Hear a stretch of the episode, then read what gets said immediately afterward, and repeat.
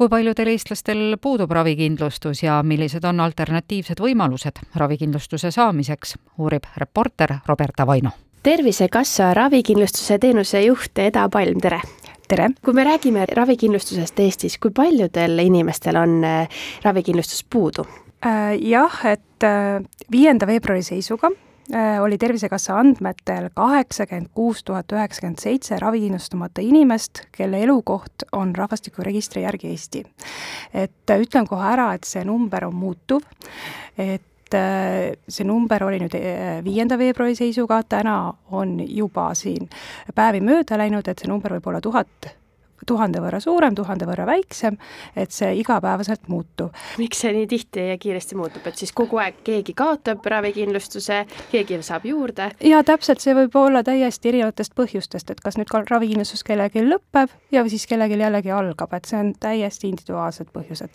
aga keskmiselt on ravikindlustatud inimeste arv siis üheksakümmend neli protsenti elanikkonnast et see on tegelikult, eh, kui te ütlesite enne numbri kaheksakümmend kuus tuhat, siis see tundus üsna suur eh, arv inimesi, kellel ravikindlustust ei ole ja nüüd, kui te ütlete üheksakümmend neli protsenti, see tundub üsna kõrge arv ka, kellel nii-öelda on.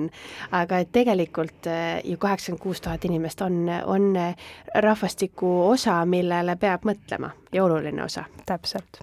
miks te arvate, et inimestel ei ole ravikindlustust? no Tervisekassa saab jooksvalt hinnata vaid suurusjärku.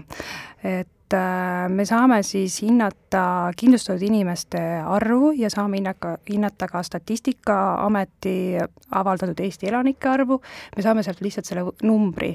Me ainult hindame neid numbreid, aga me tegelikult ei tea, kes on nende numbrite taga. me ei tea neid põhjuseid, miks see ravikindlustus puudub, aga olles süsteemis sees, me saame eeldada neid põhjuseid, me ju näeme, et eh, ja need mustrid korduvad. Eh, siinkohal võib-olla toongi välja, et eh, et on inimesi, kes on küll Eesti rahvastikuregistris Eesti aadressiga, kuid tegelikult nad ikkagi elavad välismaal. näiteks noored, nad on läinud välismaale õppima või lausa nad on läinud välismaale elama siin võib välja tuua ka täiesti töötavad inimesed, kes siis välismaal töötavad, aga nad on ikkagi meie rahvastikuregistris arvel, nad on alalise elukohaga Eesti, aga reaalselt nad saavad siis selle kindlustuse sealt välismaalt ja nad tarbivad ka neid tervishoiuteenuseid välismaal ja neil ei olegi seda ravikindlustust siin Eestis vaja. Samuti on põhjuseks muutunud töövormid et äh, töötatakse võlaõigusliku lepinguga, käsunduslepingu alusel, äh, tehakse tööampse ja need ei pruugi ju äh, kaasa tuua sotsiaalmaksu miinimummääras maksmise ja see ei too ju ka kaasa ravikindlustuse stabiilsuse. siis on meil ka hulk inimesi, kes siis saavad ähm, ebaregulaarselt äh, toetusi, stipendiume, tasusid ja ja neil täpselt samamoodi ei pruugi täis tulla nüüd igakuiselt see miinimummääras sotsiaalmaksu maksmine ja täpselt samamoodi see siis ei taga pidevat ravikindlustust. suur osa elanikkonnast on, kes on ravikindlustatud, ongi lapsed ja pensionärid, kellele rakendub ravikindlustus automaatselt. aga mis saab noortest, kes lõpetavad näiteks keskkooli ja plaanivad võtta vaheaasta? Jah, et äh, noored, kes siis äh, on saanud äh, üheksateistaastaseks, kes on lõpetanud näiteks keskkooli, see siis tähendab seda, et tema ravikindlustus, kindlustus õpilasena lõpeb, ta on saanud täiskasvanuks, et siis ta peaks siis ikkagi ise tähelepanu pöörama sellele, et mi-, kas tal on olemas nüüd ravikindlustus või ei ole ja, ja kuidas ja millised on need võimalused, et ta saaks seda jätkata, kui nad, kui ta nüüd ei planeeri uuesti kooli minna. ja kui ka ei saa kohe tööle, tööle kuskile, et siis näiteks pöörduda siis Töötukassasse, et Töötukassa pakub päris mitmeid võimalusi inimestele töö otsimiseks, millega kaasneb ka ravikindlustus nüüd äh, see vaheaasta võtmine on äh, muutunud üha populaarsemaks, et kas see osakaal ravikindlustamata inimeste seas on, äh, et seal on ka noori inimesi täitsa, täitsa me ei, ja me ei ole kahjuks seda statistikat veel teinud, aga tõesti, see on hea tähelepanek, et võib-olla me peaksime seda uurima ja vaatama, et kui palju on noori seal vahepeal niimoodi jäänud ilma kindlustuseta kui nüüd inimene ei ole ametlikult tööl niimoodi, et tal oleks ravikindlustus, mis on need võimalikud alternatiivid? Kohe ma ütleks ära, et, et me ametlikult töötamine, see tähendab seda, et inimesel on ikkagi töösuhe, tema eest makstakse maksu ja see tagab talle riikliku ravikindlustuse, et kui sa täna lähed tööle, siis märgitakse sind töötamise registris ja sa oled homme juba ravikindlustatud. et meil nagu selliseid alti-, alternatiive tegelikult ei olegi. aga me teame, et on ka selliseid tööandjaid, Äh, kes pakuvad oma töötajatele sellist lisaboonust just äh, tervishoiuteenuste hüvitamise näol. ja samas me oleme, see on hästi tervitatav, me oleme hästi rõõmsad, et ikkagi tööandjad oma äh, töötajatest hoolitsevad ja muretsevad nende pärast ei ole alternatiivi ka vabakutselistele inimestele, et kui näiteks ametlikku töösuhet ei ole, aga on piisav sissetulek, et endale ise soetada ravikindlustus, kas selline võimalus on ka olemas? no ise soetamisel äh, on üks variant eratervisekindlustus muidugi, äh, aga, aga teine variant on, meie ise pakume ka vabatahtliku kindlustuse lepingut mille nüüd see aastamakse on, äh, on päris krõbe, päris suur, äh, aga see tagab siis inimesele sellise riikliku ravikindlustuse, aga tal ei ole õigust saada ainult ajutise töövõimetuse hüvitist. on teil üldse statistikat selle kohta, et inimesed, kellel puudub ravikindlustus, nad jätavad ka õigel ajal ravi küsimata ja saamata?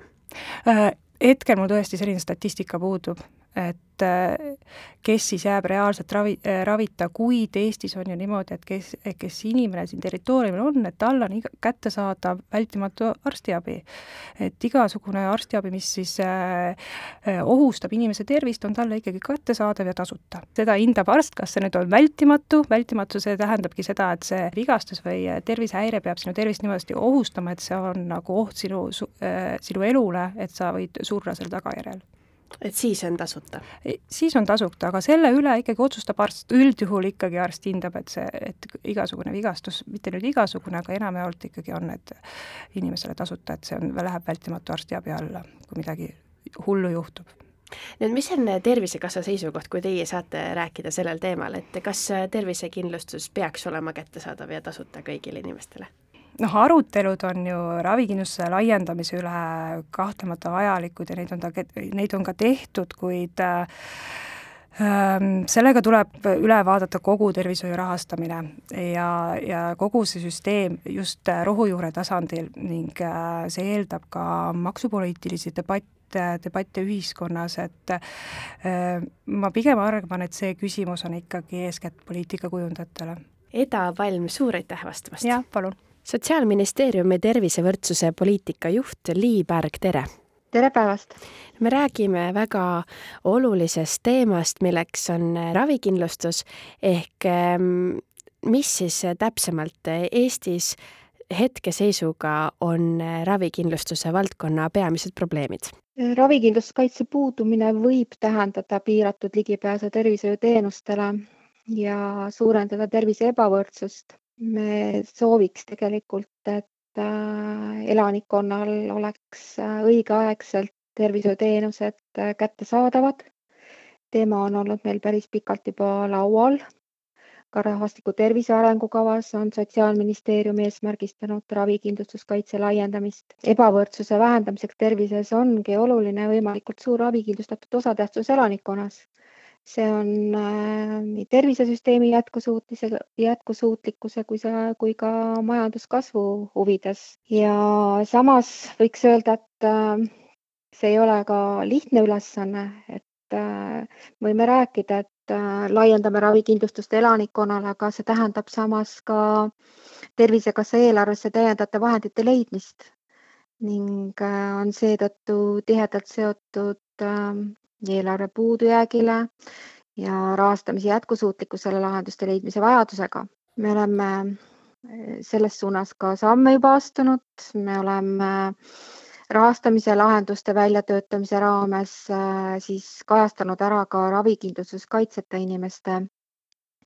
kättesaadavuse, tervishoiuteenuste kättesaadavuse lahendamiseks rahastusvajaduse ja loodame, et selle aasta alguspoolel jõuavad need teemad ka Vabariigi Valitsuses aruteluni ja otsusteni. see, et äh, inimesed saavad õigeaegselt äh, tervishoiuteenuseid, siis seetõttu on ka nende ravikulud äh, hiljem väiksemad kui siis, kui nad pöörduvad vältimatu abi korras ja, ja võivad olla tekkinud näiteks tüsistused. ja see on ka Eesti majanduskasvu huvides, et Eesti elanik oleks, oleks terve ja, ja saaks käia tööl ja tuua tagasi tootlikkust. Lii Pärg, suur aitäh vastamast! jah, palun